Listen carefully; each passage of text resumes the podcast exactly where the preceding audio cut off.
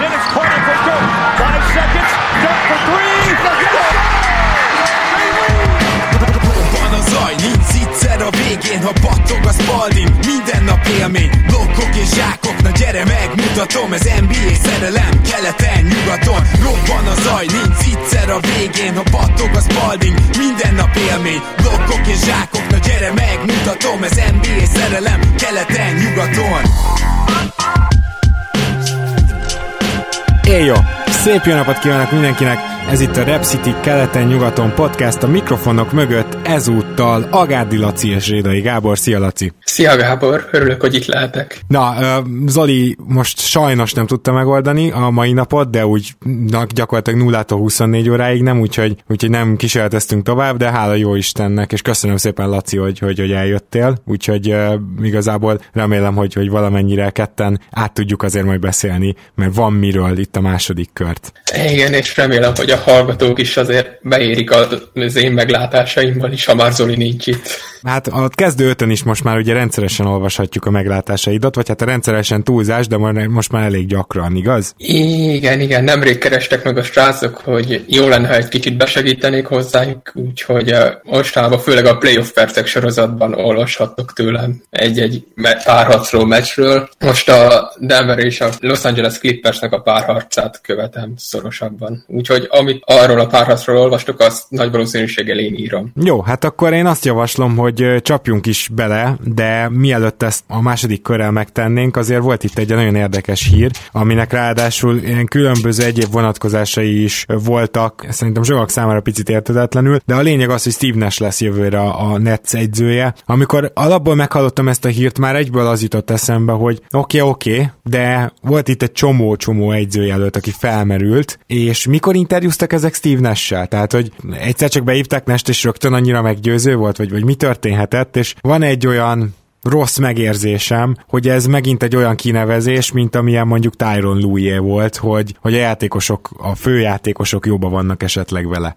Nekem is pontosan ugyanez jutott eszembe, illetve még Steve Kerr kinevezése is eszembe jutott valamennyire, csak Steve Kerrnek legalább volt valamilyen vezetői tapasztalat, amíg Nash még segédedző se volt meg, irodába se dolgozott, míg Kerr volt GM, Nash oké, okay, tanácsadó volt, nem vagyok benne biztos, hogy ez elegendő tapasztalat. Nehéz is azt látni, látni, hogy ez elegendő tapasztalat, és a másik pedig, hogy tudjátok szerintem, kedves hallgatók, hogy én milyen orbitálisan nagy Steve-es rajongó vagyok, de ez nem jelenti azt, hogy én azért, mert én őt nagyon kedveltem karrieres során, és nyilvánvalóan az egyik legokosabb játékos volt az elmúlt húsz évben a pályán, tehát ez, ezt értjük, tudjuk, látjuk, meg én is. Nem jelenti azt automatikusan, hogy jó egyző lesz. Az, azzal a narratívával most nem foglalkoznék, hogy hát ez mekkora white privilege, vagyis hogy gyakorlatilag ez csak egy fehér emberrel történhet meg, mert Derek Fishert is pont ugyanúgy ugyanúgy nevezték ki, tehát volt rá más példa is. Inkább azzal törődnék, hogy mi, mit tudhat Steve Nash, ugye így úgymond bizonyítékok nélkül, ami miatt kinevezik, és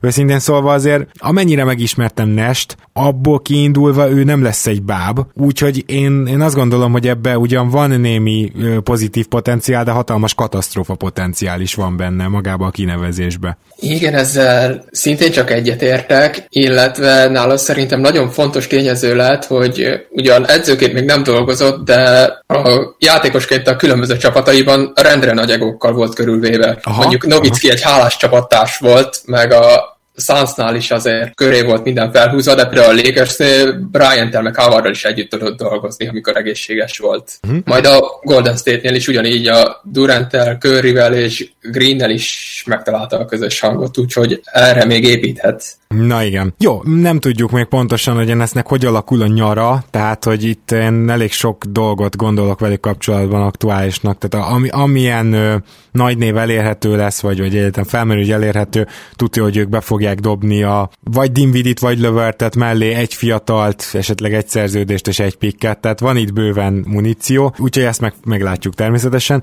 de most akkor menjünk át a playoff második körére, ahol ö, egyelőre még minden párharcnak van esélye hogy, hogy telibe találjam, ez, ez a személyes örömöm, de talán akkor ö, kezdjük a Lakers és a ö, Houston párarcával, ahol az első mérkőzésen gyakorlatilag minden megtörtént, amit jósoltunk a Houston Small kapcsolatban, aztán a második mérkőzésen pedig jött Russell Westbrook, és tényleg nehéz, meg ne, nem lehet azt mondani mindig, hogy egy emberre rákenned a verességet, de, de itt, itt szerintem nehéz nem rákenni Westbrookra a verességet, annyira iszonyatosan ártott a csapatának. Hihetetlen volt nézni, gyakorlatilag az első fél időben, minthogyha a lakers lett volna. Igen, az első meccsen még többé-kevésbé azzal húzta be szerintem a Houston a, az 1 0 hogy rendszeresen arra játszottak, hogy amint Hardent kettőzték, Westbrook megkapta a labdát, és elindult a gyűrű felé. Igen, és aztán a, utána ugye és ez... ki lehetett osztani, hogyha esetleg behúzottak segíteni. Nyilván lett valaki üresen, hiszen Hardenről nem olyan könnyű utána még átgyalogolni mondjuk a pálya túloldalára. És ez a második meccset teljesen eltűnt.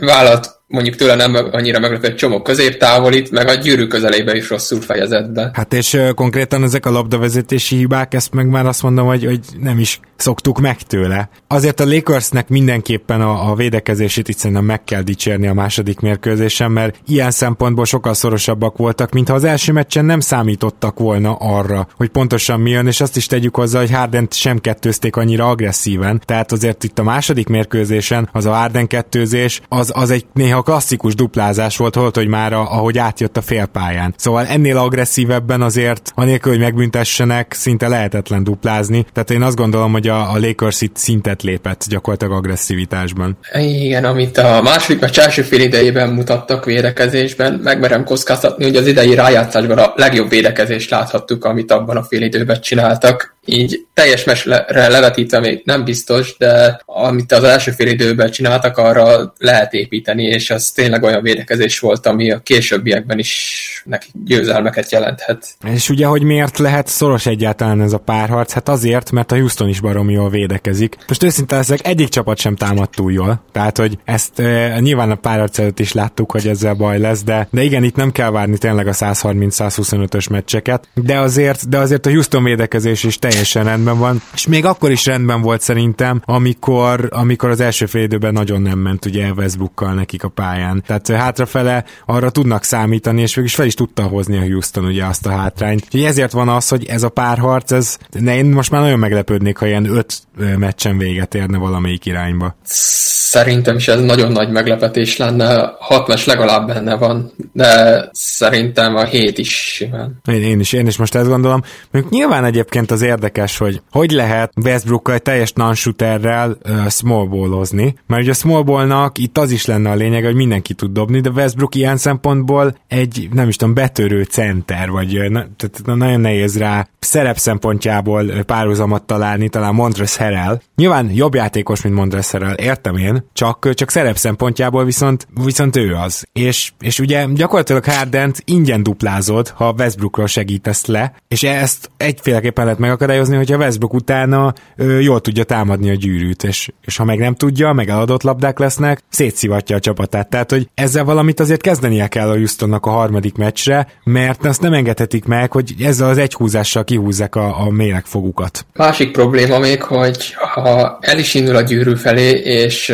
ha lefaltolják, eddig két meccsen összesen kilenc büntetőt dobott, és ebből négy ment neki be, ami egy gyenge 44 százalék. Igaz, hogy nagyon kicsi a minta, de Lakers nem lehetnek annyira szomorúk, hogyha oda vernek neki. Abszolút, sőt, hát mindenképpen erre játszaniuk is kell.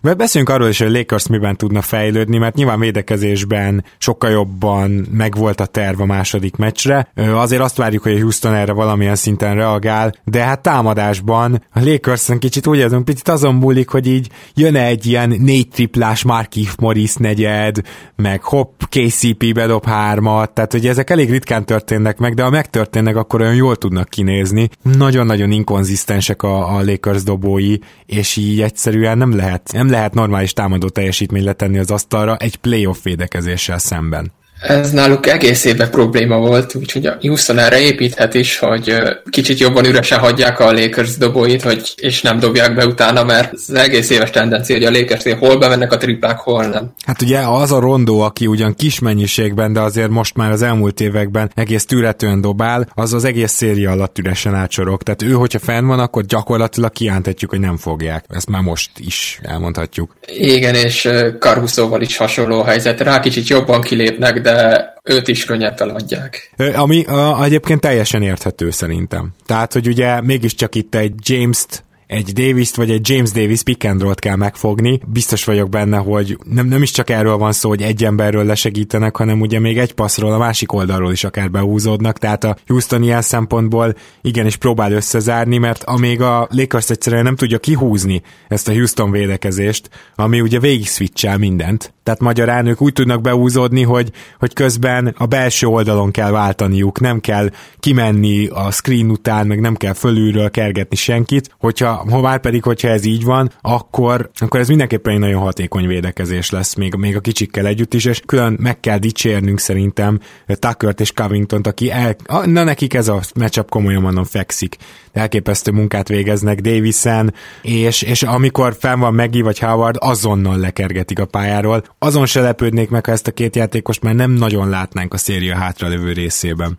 Most a második meccsen is meg másfél percet játszott talán a második fél időben. Igaz, hogy volt benne valami kisebb sérülés is, de Howard már biztos se küldte szünet után fog el, úgyhogy ők már csak ilyen töltelék perceket fognak szerintem kapni. Igen, tehát ez megtörtént, hogy a Houston lekergette a Lakers centereit.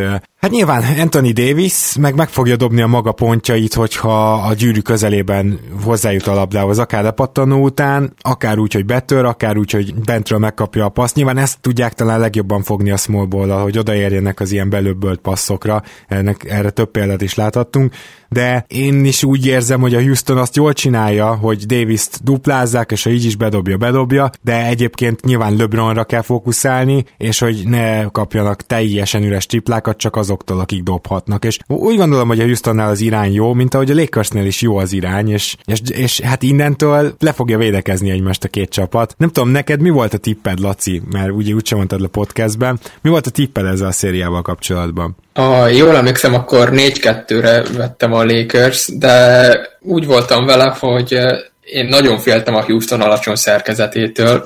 Lakers szurkoló vagyok. Hmm. Nagyon tartottam a Houston alacsony szerkezetétől, meg a kinti dobásaitól. És most a tippet változtatnád el, vagy, vagy reálisnak tűnik?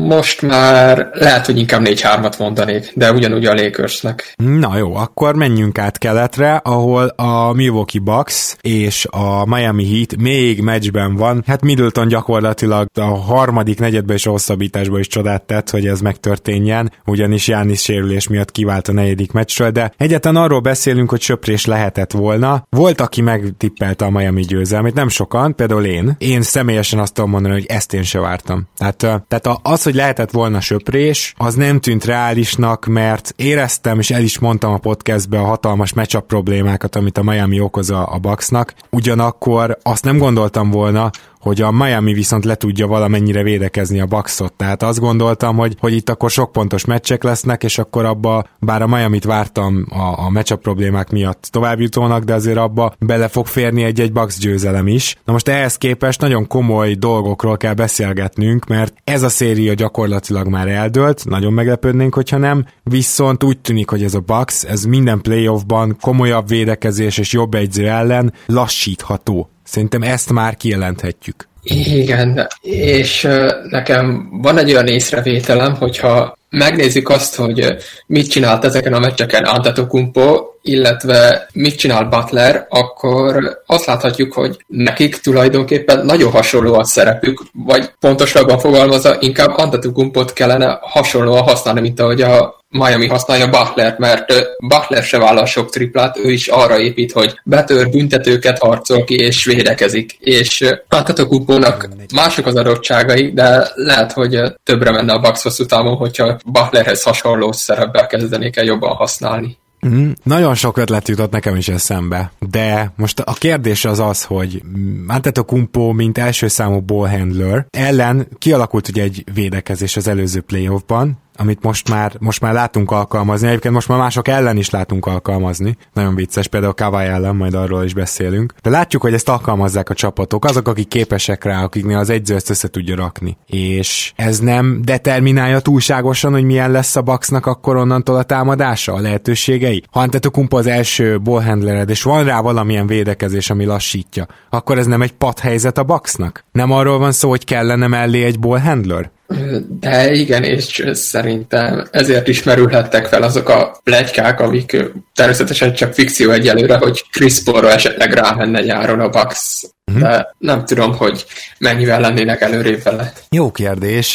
Nekem is egy csomó dolog eszembe jutott. Főleg Chris Middletonnal kapcsolatban, hogy ugye szerintem elég sokan megtalálták őt, hogy jaj, hát ő miatta nem elég jó a Bax, ami amit továbbra is egy hihetetlen nagy bullshitnek gondolok. Szóval itt az van, hogy egyrészt Middleton egy a liga egyik legjobb ISO játékosa, egy olyan szegény ember kávája, de nem nagyon szegényé, tehát nem úgy kell érteni, nyilván nem is, nem is nincs is kávály szinten, de nagyon hasonló amúgy a játékuk, tehát a legbiztosabb középtávolia talán ennek a két játékosnak van a ligában.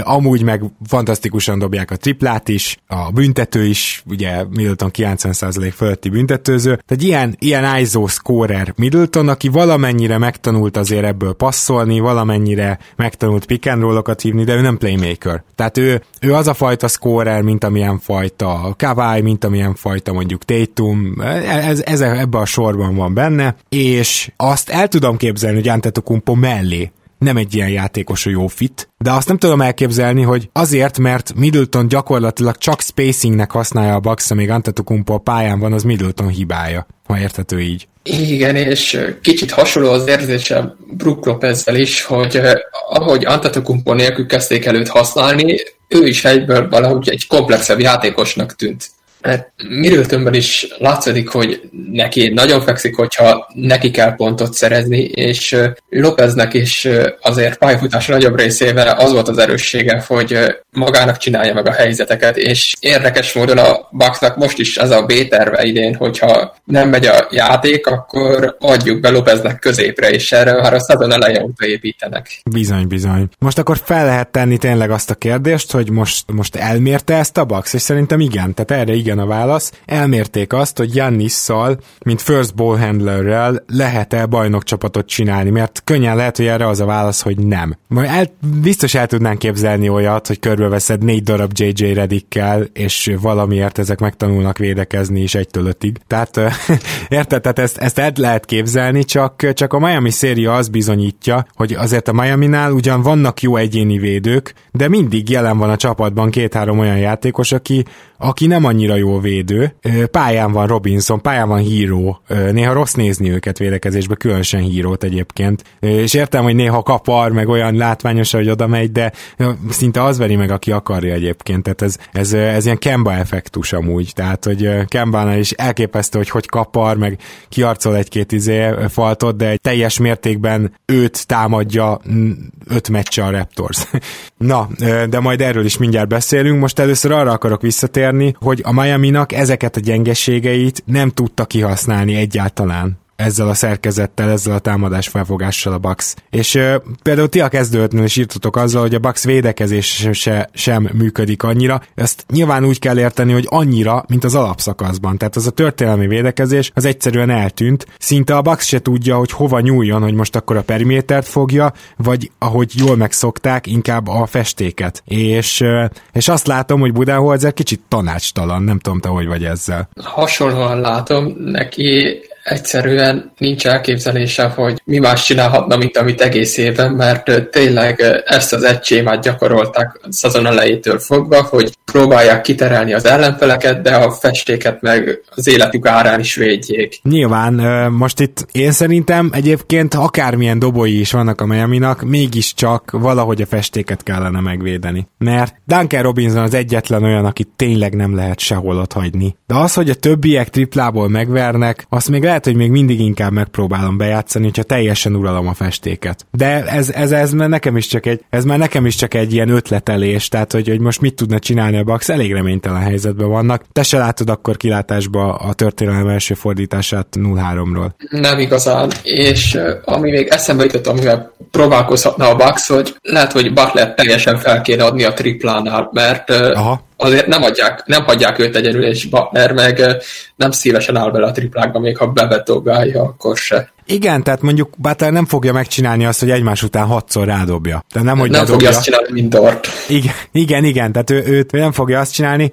Nyilván, tehát róla is be lehetne húzódni, egyébként Igudaláról is teljes nyugalommal, és hát az se nagyon történik meg, szóval, mint hogyha nagyon specifikusan azért nem, nem lennének letisztázva ezek a dolgok. Na jó, még egy dolgot bedobnék a Bax oldaláról, én szerintem Middleton-t el kell cserélniük, nem ő jó fit Jannis mellé, az Middletonnak is sokkal jobb lesz, és a kedvenc csomagom eddig, amit kitaláltam, az Dinvidi köré épül a Netsbe, mert Dinvidi viszont pont olyan játékos, akire szüksége lenne szerintem a Bucksnak, nem tudom, egyetértesz-e. Ezzel egyetértek, csak akkor arra lehet, hogy Bledsoe-t is cserélni kellene. Hát elvileg ugye Bledsoe a védekezése miatt játszhat együtt Dinvidivel, Dinvidi meg ugye magas, tehát ő tudnak kettes játszani, de igen. Valójában Bledsoe mindenképpen a legnagyobb hibája volt, és nem is azt mondom, hogy a menedzsmentnek az elmúlt évekből, hanem ugye kifejezetten Badenholzernek, mert ő szerelmes Bledsoe-ba, és az ő, ő kérésére igazolták idő előtt vissza Bledsoe-t. Ami után azzal járt, hogy választaniuk kellett, és George Hilt és Lopez választották Brogdon helyett, szóval voltak itt még érdekes döntések, de, de Bledsoe egy olyan hiba, akit mondjuk nagyon nehéz lesz kikerülni ha csak nem tudod valahova elcserélni. Úgyhogy fel lesz adva a Bucksnak a lecke, de a Miami oldaláról szeretném nagyon megdicsérni egyrészt uh, Adebayot, aki egészen döbbenetes. Tehát az ember az konkrétan, hogyha nézett folyamatosan a pályán, az egy ilyen külön meccsélmény. Vannak ilyen játékosok, akik mindig érdemes nézni, hogy hol van támadásba, védekezésbe. Adebayo abszolút ilyen. Nagyon nagy impactja van a meccsekre, tehát a, a számok nem feltétlenül mutatják meg, nem kapsz tőle ilyen 30 pont 20 lepattanót, meg ilyesmit. Egyébként néha persze tud durva számokat hozni, de mindegy, mert az impact az folyamatosan ott van védekezésbe is döbbenetes, és azt gondolom, hogy támadásba is a passzaival, az elzárásaival, és hogy hogy, hogy reagál a kialakult helyzetekre, tehát nagyon okos játékos is. Én szerintem az ő szerepe megkérdőjelezhetetlen ebbe a majdnem söprésbe. Nekem mindig az az érzésem, amikor őt nézem játszani, hogy egyrészt tényleg ez, hogy mindig mindenhol ott van, hogy minden támadás rajta keresztül vegy végig, meg ő a védekezésnek is a lelke. Másrészt viszont azt is értem mindig, hogy ennél többet is vállalhatta, mint amit vállal. Persze a hét ez pont azért ilyen erős, mert leosztják a szerepeket nagyon jól, de szerintem benne még van fölfelé. Biztos vagyok benne én is. Nem biztos, hogy ebbe a play fogjuk látni persze. De a hitnek ez így most jó. Szerintem nem kellett azon a védekezésen kívül, amit tavaly a Boston Raptors kialakított alakított, azon kívül nem kellett nagyon mást megtanulniuk. Nem tudom, hogy egyetértesz tehát, hogy nem állította őket hatalmas kihívás elé eddig a Bucks ebbe a szériába. És nyilván ez a Middleton outburst, ez kemény volt, de a következő meccsen már ez se lesz elég, főleg, hogyha Jannis nem lesz a sérülése miatt. Egyetértek, mert a Bucks tényleg csak arra épít az elmúlt években, hogy a belső fejlődés az töretlen legyen, de hogyha ugyanaz, ugyanazt csinálják csak kicsit jobban, akkor az még nem biztos, hogy elég. Igen. És jelen szerint úgy néz ki, hogy nem elég. Igen, igen, tehát úgy tudnám ezt mondjuk mondani, hogy ha te úszol, és aztán sokat gyakorolsz, és még többet úszol, és már nagyon jól úszol, attól még nem fogsz triatlon versenyt nyerni. Tehát ez, ez, ez a helyzet. Jó, menjünk át akkor nyugatra, ahol kettő egyre vezet a Los Angeles Clippers a Denver ellen. Nyilván azért itt van egy nagyon különleges dolog számomra legalábbis, de még a, a nagy Denver kedvelő Zoli számára is az volt, hogy kivettem a közös beszélgetéseinkből, hogy a Denver előkapott egy olyan védekezést, amit csak a nagyfiúk szoktak. Tehát ezt nem tudom máshogy fogalmazni. A legjobb playoff védekező csapatok szoktak agresszíven duplázni, váltani, ha nem is egy ötig, mert nyilván Jokicsal nem lehet, de a többiek meg váltogatnak. Tehát amire azt gondoltuk, hogy nincs meg a kerete a Denvernek, azzal próbálkoznak most, és viszonylag megy nekik. Gyakorlatilag arra játszanak, hogy a Clippersnél nincs igazi olyan játékos, aki rendszeresen meg tudja támadni a gyűrűt. Talán az egyszem Lou Williamson kívül. Arra játszanak, hogyha Kawai bemegy középtávoli dobni, körbeveszik körbeveszik, Kawai-nak felemelni is nehéz a labdát, arra játszanak, hogy Paul George nyugodtan verjen meg minket, az úgyse fordul elő elég gyakran. És nagyon jó alapelvek mentén szeretném megdicsérni Melont, hogy ezt egyáltalán bemerte vállalni. Gyakorlatilag alig van most gyenge pontjuk, nagyon-nagyon tetszik a védekezésük, és ezt akkor is mondom, hogyha innentől mondjuk nem 2-1-4-1 lesz és kiesnek, ez akkor is egy elképesztően hasznos széria lesz számukra szerintem. Én egyedül azt nem értem, hogy hol volt ennek a védekezésnek akár a 80%-a is a jazz elleni párharcban, mert Ugye? akkor nem lett volna az se hét meccs.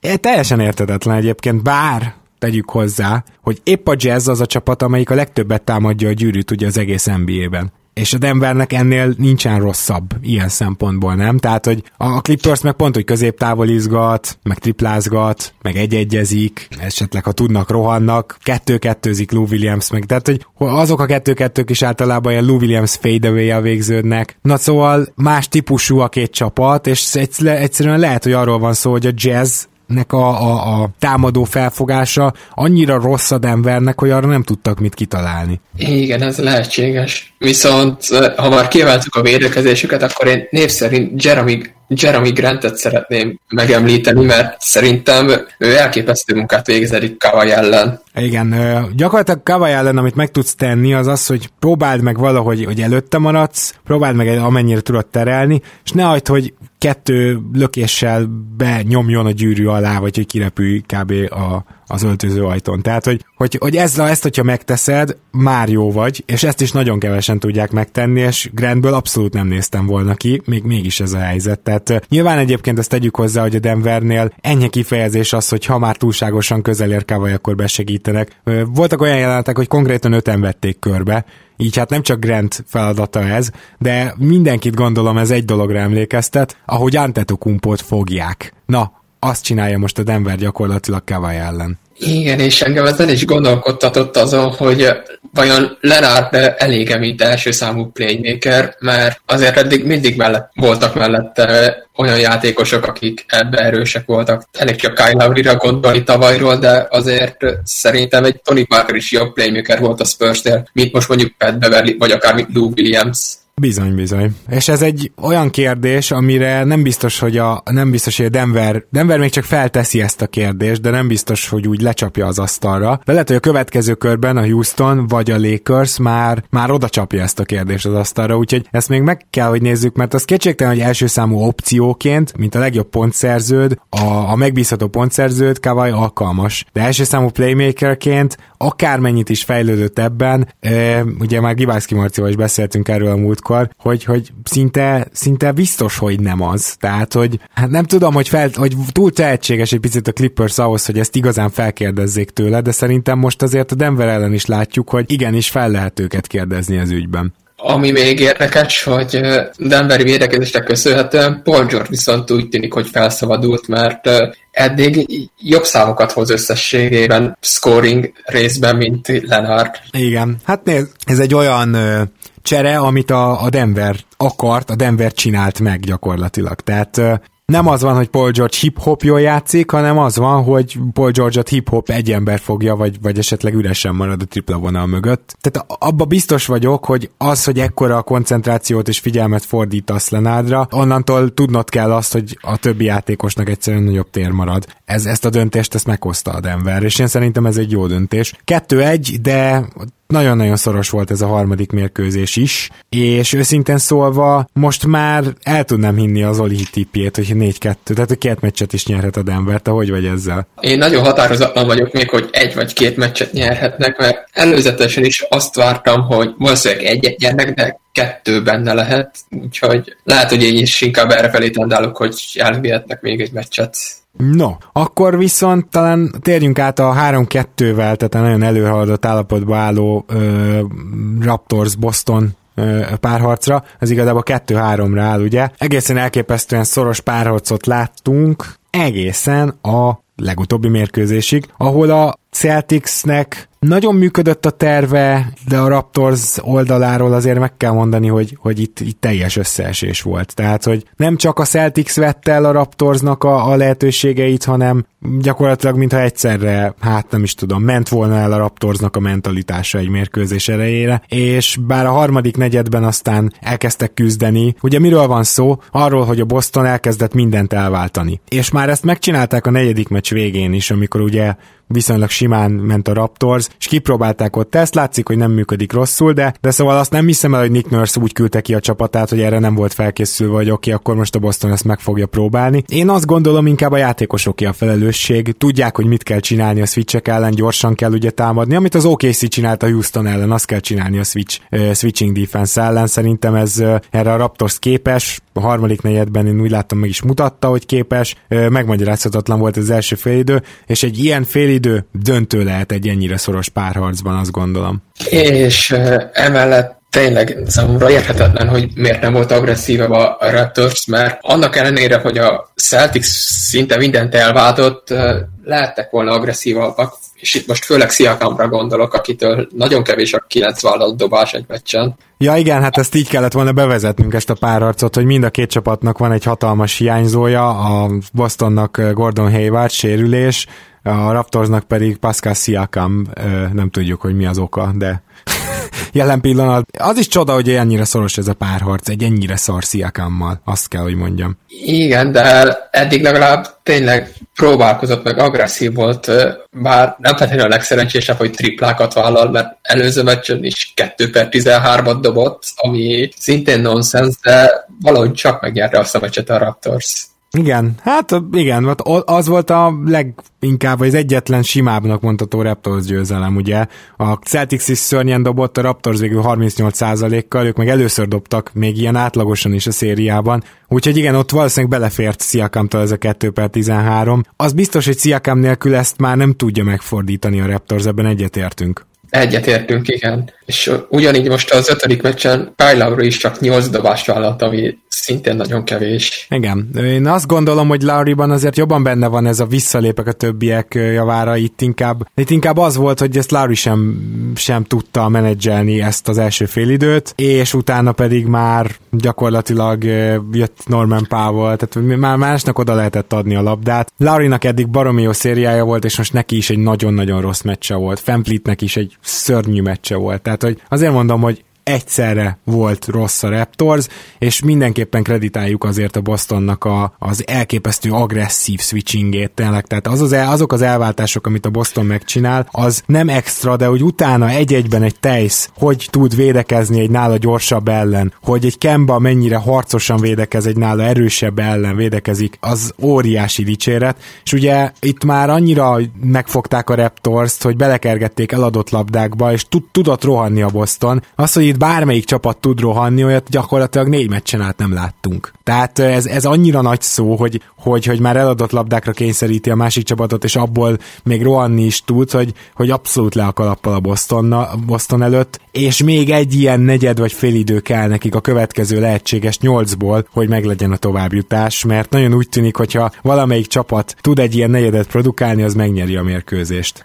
Igen, viszont a ma hajnali meccsen a negyedik negyedben az nagyon tetszett, hogy a Raptors végre kicsit megint hozzányúlt ez az egész pályás letámadáshoz. Szerintem ezzel érdemes lenne nekik hamarabb is próbálkozni. Hát mondjuk attól mert is ezzel... függ, mert nyilván, hogyha a pályán van Kemba, akkor ő fel fogja tudni ez, ez ellen hozni, meg ki tudja passzolni, de egy van a makert azért tényleg érdemes így megtámadni. Tehát az egy másik kategória. Igen, mert most is látszott, hogy azért, amikor van a maker volt fönt a negyedik negyed elején, talán, akkor azért zavarba lehetett őket hozni ezzel.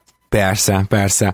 Te tudsz bármilyen magyarázatot Sziakam teljesítményére egyébként? Ugye Smart és Brown nagyon jól fogja, de azért láttuk azt, hogy Sziakam ilyenkor ezeket a játékosokat át szokta dobni. Tehát igen, Sziakam nem túl erős, állítom, hogy Smart és Brown eltolná bármikor, tehát hogy erősebb konkrétan Sziakámnál. Sziakám a magasságát ilyenkor szépen kiszokta használni, értetetlenül szenved. Tehát tudom, hogy nehéznek tűnik minden dobás, amit elvállal, de ezek azok a dobások, amiket ő játszik könnyedséggel bedobott a szezon elején. Én Raptors nem tudom megmagyarázni, csak úgy esetleg, hogy mentálisan elfáradt neki ez tulajdonképpen egy új szituáció, mert tavaly ott volt előtte mellett egy Kawhi Leonard, aki azért ezeket a nehéz helyzeteket mindig megoldotta, és akkor mentálisan is neki az egy plusz jelenthetett, hogy nem ő volt az az ember, akire támaszkodnia kellett a Raptorsnak támadásba, hanem csak idézőjelesen a második, harmadik opciója, most pedig tőle várja szinte mindenki, hogy ő legyen az, aki megoldja a nehéz helyzeteket. A Boston oldaláról annyit mondanék, hogy az látszik, hogy a félpályás támadásuk az ugyanúgy nem, tehát ugyanúgy le van védekezve,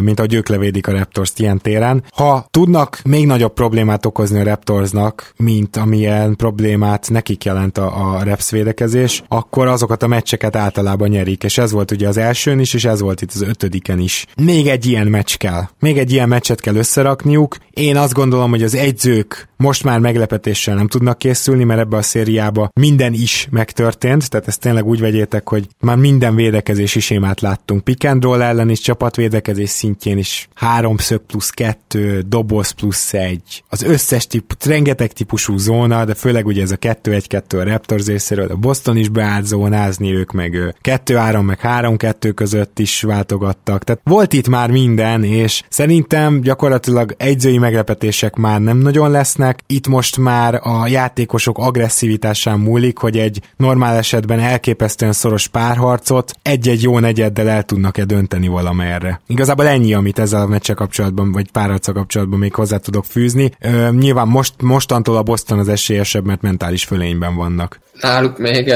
benne lehet a következő két meccs bármelyikén, hogy csak két meccs lesz, hogy Tatum, Walker és Brown se triplázott eddig olyan jól, és egyszer bármelyiküknek kiszakadhat a zsák, főleg Walker és Tatumnál. Igen, és én azt mondanám, hogy főleg Tatumnál, mert ő az, aki egy védekezés fölött is át tudja dobni ugye a dobásait. Igen. Azért Kemba nem mindig, Brown-t meg meglehetősen zavarni szokta, hogyha, hogyha véd. Bár néha meg az zavarja, hogyha túl üresen van, tehát hogy igen. Jó, beszéljünk még záró gondolatként arról, hogy milyen elképesztő színvonal van ebben a playoffban, a buborékban. Nagyon sokan beszélnek most erről, abszolút egy egész kosárlabda társadalmat lázban tartó téma, és Magyarországon nem nagyon hallottam, hogy ez így felmerült. Csak ilyen beírások, ah, nem védekeznek a csapatok. Lófaszt! Mint az állat úgy védekeznek, de nagyon durván dobnak a csapatok, az a helyzet. De aki azt gondolja, hogy most azért van ez, mert nem védekeznek a csapatok, azt szerintem nem, néz, nem nézte eleget ezt a, ezt a bubble dolgot, mert a csapatok a legmodernebb, legnagyobb variációjú védekezési sémákat váltogatják, hihetetlen, hogy mi mindent megpróbálnak, viszont úgy tűnik, hogy ha nem kell folyamatosan utaznod, hogyha teljesen rá tudsz koncentrálni a meccsekre,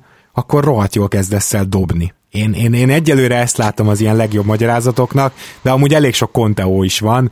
Például arról is, hogy mivel szélesebb a pálya, egyszerűen sokkal több tudnak a játékosok hustle play-ekben hozzárakni, kevesebb a nézők által rájuk helyezett nyomás. Na, mi a te elméleted, Laci? Hát, szerintem is a legnagyobb hatással az van, hogy nem, szerintem az van a legnagyobb hatással, hogy nem kell utazniuk a játékosoknak. Most vegyük csak például a Clippersnek meg a Nuggetsnek a párharcát, akiknek most kellett volna utazniuk Colorado-ba, ahol két nappal ezelőtt 36 fok volt, most meg havazik. És Aha. ilyen környezeteli változások sincsenek kitéve például. Ez baromi jó, ez ráadásul egy olyan érve, ami nem is nagyon hangzott még, el, legalábbis tud, én, én még nem olvastam. De igen, adom ezt is. És nyilván most már a második körre csatlakoztak a, a, a család vagy ismerősök, gondolom ez is sokat segíthet, hogy viszont a, a magányosságon meg, meg, meg csökkentsen. Igen, bár ez is érdekes, hogy ki kicsodát akarta, hogy csatlakozzon, mert például Danny Greenhez a mennyasszonya ment be, de elmondta, hogy ő szeretem, hogyha a kutyái is ott lennének, úgyhogy... hát figyelj, a kutyák nem is terjeszthetik a kort, miért nem mehetnének be? Hát én se igazán értem, de Na az NBA úgy döntött. Ja, Istenem, most erről eszembe jutott az a, az a, a, a legnagyobb covidos poén gyakorlatilag az elmúlt egy évből, amikor a WHO közölte, hogy hivatalosan is köz, közöljük, hogy a kutyák nem kaphatják el a COVID-19-et, úgyhogy a Kínában eddig karanténban tartott kutyákat ki lehet engedni. És akkor volt alatta egy ilyen komment, hogy just to be clear, who let the dogs out? igen, igen. az, egy, az, egy, az egy hatalmas. Na mindegy, jó, oké, tehát Laci, nagyon szépen köszönöm, hogy itt voltál, és hát sok sikert kívánok egyébként a következő kezdőtös elemzéseidhez is, én rendszeresen olvasom őket, természetesen, meg lehetséges, hogy akkor majd még leszel itt vendég a döntő környékén, vagy a, vagy a konferencia döntő környékén, és köszi, hogy elfogadtad a meghívást. Én köszönöm a lehetőséget, és szívesen jövök máskor is, ha csak a hallgatók ki nem utálnak, hogy ne jöjjek. Én remélem, hogy ez nem történik meg. Kedves hallgatók, köszönjük szépen, hogy velünk tartottatok, ezen a héten természetesen majd még jelentkezünk. Akármennyire lassan is telik ez a második kör, most már tényleg ott vagyunk, hogy lesznek csapatok, akiktől el kell búcsúznunk. Péntek magasságában erre teszünk is egy kísérletet, de hogyha nem pénteken, akkor legkésőbb hétfőn mindenképpen jövünk. Addig is nagyon szépen köszönjük, hogy ennyien támogattok minket Patreonon, patreon.com per keleten-nyugaton, és azt is, hogy Facebookon is most már nagyon megközelítettük a 2000 kedvelést, úgyhogy kövessetek, ahol csak tudtok, és sziasztok!